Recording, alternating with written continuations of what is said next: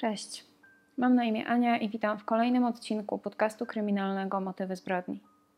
Zanim zaczniemy, chciałabym przypomnieć o subskrypcji kanału oraz o włączeniu powiadomień, dzięki czemu nigdy nie zapomnicie o żadnym kolejnym odcinku.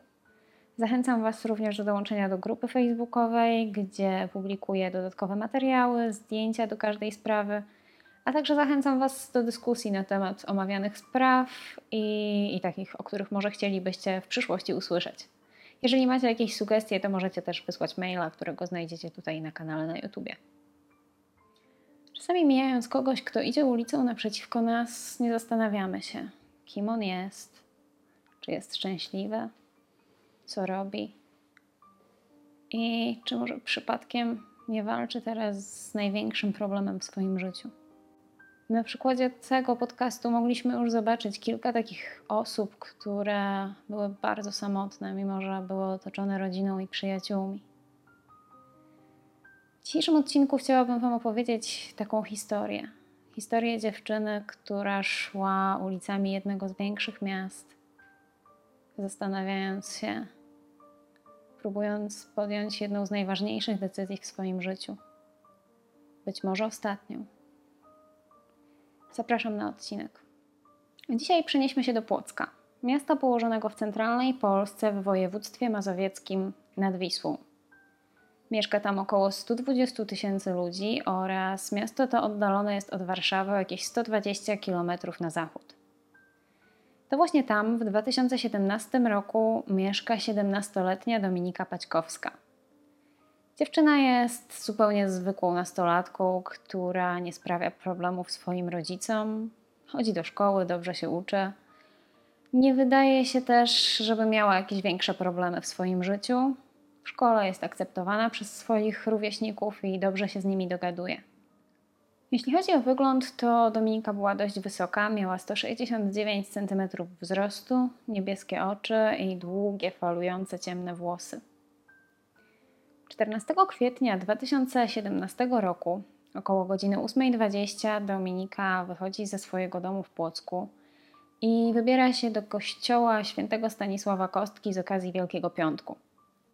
Wcześniej tego dnia dziewczyna była jeszcze w sklepie spożywczym po drobne zakupy dla swojej mamy, ale wróciła do domu, odłożyła te zakupy, zostawiła resztę pieniędzy, które mama dała jej na te zakupy i, i wybierała się właśnie na ten Wielki Piątek. Tego dnia miała na sobie szary płaszcz do kolan z e, futerkiem na kapturze, czarne spodnie i glany. Poza tym, że Dominika zostawiła resztę pieniędzy wychodząc z domu, dziewczyna zostawiła też swój telefon. A właściwie nie wiem, czy można powiedzieć, że tak po prostu zostawiła, ponieważ schowała go za książkami na regale. Nie wzięła też żadnych dokumentów. Nie wzięła ani plecaka, ani torebki. Wyszła z domu tak po prostu z pustymi rękoma. Mija czas, a Dominika do domu nie wraca. Około godziny 14 jej rodzina zaczyna się niepokoić i postanawiają zawiadomić policję o jej zaginięciu. Pamiętajmy też, że nie mają z nią kontaktu, bo zostawiła telefon w domu. Wtedy też okazało się, że Dominika do kościoła nigdy nie dotarła. Dziewczyna po raz ostatni była widziana w Płocku w, okolicy, w okolicach Wisły.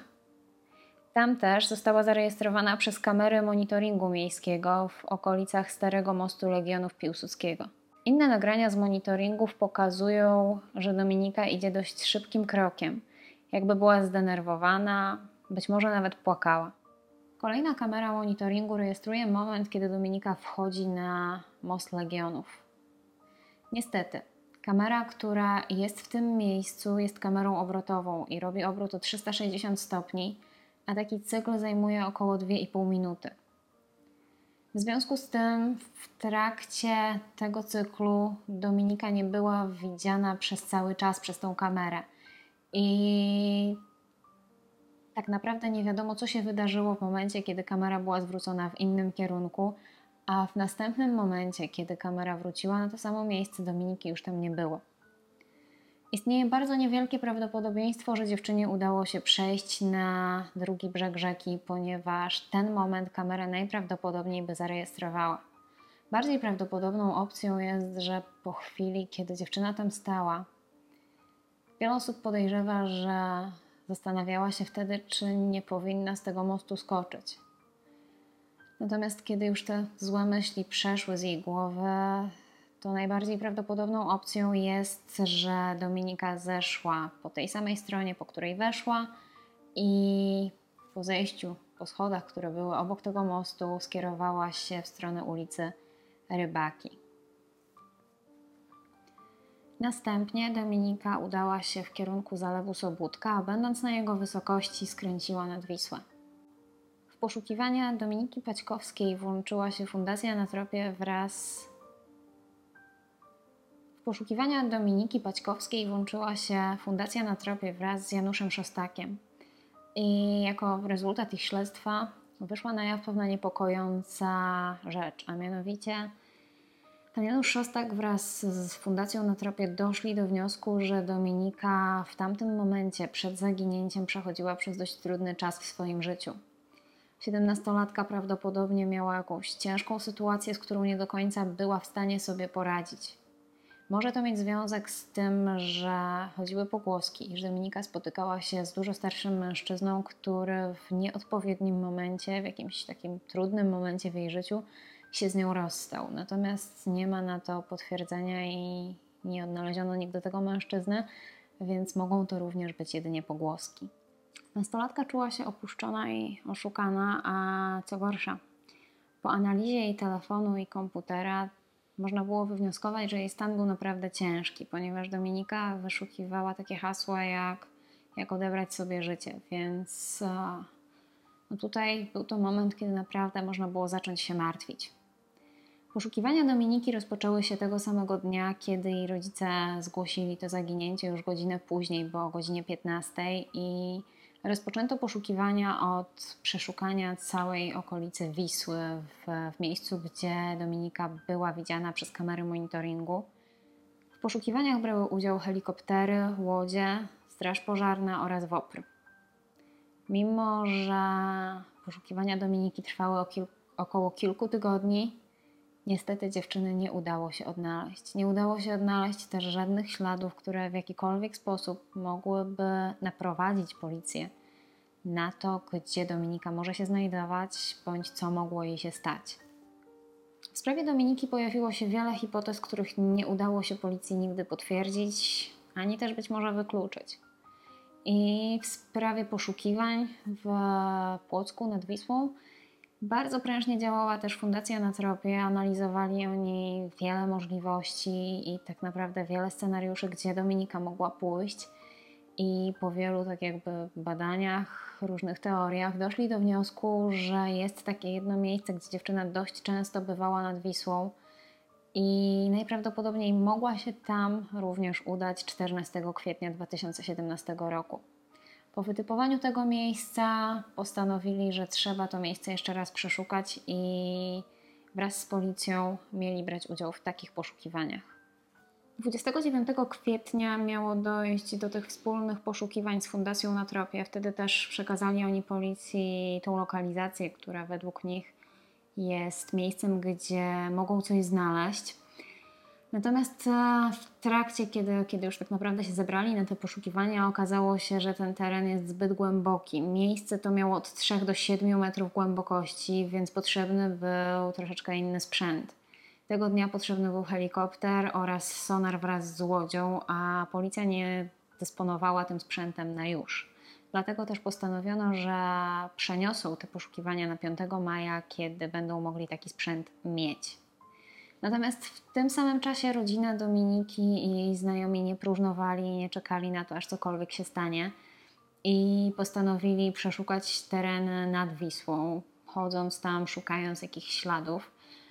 Skupili się najbardziej na okolicach Brwilna, natomiast no, znowu nie znaleźli niczego i poszukiwania nie przyniosły zupełnie żadnego rezultatu.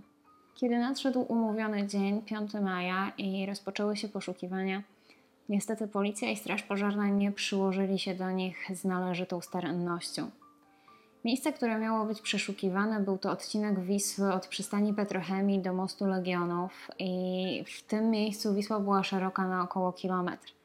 Natomiast poszukiwania polegały tak naprawdę na tym, że łódź z sonarem płynęła przez środek tej, tej rzeki, a sonar był ustawiony na po 25 metrów z każdej strony, więc tak naprawdę przeszukano tylko część, tylko środek rzeki i wynika z tego, że sprawdzono 50 metrów z 1000 metrów. Więc no tutaj już mamy jakąś nieścisłość. Kolejną rzeczą jest fakt, że w tych poszukiwaniach nie brali udziału płetwonurkowie, a powinni. Jak mówi jeden z doświadczonych płetwonurków i, i tak naprawdę ekspertów w tej dziedzinie, Radosław Jurkowski, w akcji z sonarem współpraca z płetwonurkami jest tak naprawdę bardzo istotna, ponieważ ciężko jest stwierdzić często, co tak naprawdę sonar gdzieś tam wykrył i czym jest ten element, więc wtedy do akcji powinni wejść płetwonurkowie. Być może w tej sytuacji sonar tak naprawdę nie znalazł niczego, bo przeszukiwany był zbyt mały obszar. Tego nie wiemy. Mimo, że w trakcie tych poszukiwań nie udało się odnaleźć Dominiki ani żadnych jej rzeczy, nie był to totalnie stracony czas, ponieważ w okolicach, e, które przeszukiwano, udało im się odnaleźć ciało 40 bądź 50-letniego mężczyzny. Więc no, te poszukiwania jednak dały jakiś rezultat, natomiast nie w sprawie, w której były prowadzone. Fundacja na tropie postanowiła, że tak łatwo nie odpuszczą i chcieli jednak mimo wszystko dokładnie przeszukać ten wytypowany przez siebie rejon. Dlatego też już 13 maja 2017 roku powrócili w to miejsce z płetwonurkami, których wzięli tam sami, tak naprawdę nie organizowali tego już z pomocą policji. I ci płetwonurkowie pożyczyli im też łódź, która miała pomóc w tych poszukiwaniach. Tym razem zbadali dokładnie ten wyznaczony przez siebie teren. Natomiast e, niestety, mimo wielkiej wiary w to, że poszukiwania w tym miejscu coś przyniosą, znowu przyszło rozczarowanie, bo nie było tam zupełnie nic. Również w 2017 roku pojawiła się wizja Mai Danilewicz, która przewidziała chyba najgorszy możliwy scenariusz. Kobieta miała wizję, na której, po której była w stanie stwierdzić, że Dominika przechodziła bardzo trudny czas w swoim życiu, że mocno płakała i nie widziała tak naprawdę szansy, żeby dalej żyć. Kobieta również twierdzi, że widziała falujące włosy, które były brudne, jakby w coś zaplątane, co mogłoby sugerować utonięcie. Twierdzi również, że i rodzina, i policja mieli jakąś hipotezę i najprawdopodobniej wiedzieli coś wcześniej, a Dominika nie ukrywała swoich zamiarów i już wcześniej sugerowała, że coś jest bardzo mocno nie tak. Policja sprawdzała również i wzięła pod uwagę taką hipotezę, że Dominika mogła uciec z własnej woli. Jeżeli tak by się stało, to dziewczyna miałaby dziś 21 lat, natomiast e, mimo tego, że informacje o zaginięciu Dominiki dotarły do wszystkich komisariatów policji w Polsce, a także do jednostek policji za granicą, z żadnej strony nie było informacji, że ktokolwiek mógł dziewczynę widzieć. A policja miała również kilka innych hipotez, natomiast jak wynika ze źródeł ogólnodostępnych, najbardziej skupili się na tej związanej z utonięciem bądź też stargnięciem się na własne życie. I, i to tej hipotezie tak naprawdę poświęcili najwięcej czasu, bo skupiali swoje poszukiwania na, na rzece i na szukaniu tak naprawdę chyba już ciała Dominiki tam. E, natomiast jeżeli skupiali się też na jakichś innych hipotezach, to nie ma o tym zbyt wielu informacji dostępnych publicznie. Jednak mimo wszystko do dzisiaj istnieje jakieś prawdopodobieństwo, że Dominika żyje i że postanowiła uciec z miejsca, w którym była z własnej woli, odciąć się od wszystkiego i rozpocząć jeszcze raz. Jakiś czas później na jednej z grup facebookowych pojawił się dość emocjonalny wpis na temat zaginięcia Dominiki. Użytkownik, który podpisuje się jako Anuk, napisał: W normalnym świecie, gdy ktoś znika, rodzina, przyjaciele i znajomi nie odpuszczają, tylko szukają do końca swoich dni. Czym Dominika zasłużyła sobie na milczenie? Nikt jej nie szuka, ni żywej, ni martwej. Płock milczy. Niestety, na dzień dzisiejszy są to wszystkie informacje, jakie udało mi się znaleźć odnośnie zaginięcia Dominiki Paćkowskiej, Dziewczyna do dziś nie została odnaleziona ani żywa, ani martwa, więc ciągle jest nadzieja, że ta historia zakończy się pozytywnie. Jeżeli cokolwiek słyszeliście na temat tej sprawy, być może jesteście z Płocka i pamiętacie te poszukiwania, może, może pamiętacie jakieś inne szczegóły, o których tutaj nie powiedziałam, to dajcie znać w komentarzach, bo może to być dość ciekawa informacja dla nas wszystkich. Materiał jest dość krótki, ponieważ, tak jak wspominałam, informacji nie ma zbyt wiele. Natomiast uważam, że jest to na pewno sprawa, o której warto wspomnieć, bo, bo materiałów na YouTube na ten temat też nie ma zbyt wiele. Jeżeli sprawa Wam się podobała, to oczywiście zostawcie łapkę w górę i zostawcie też jakiś komentarz.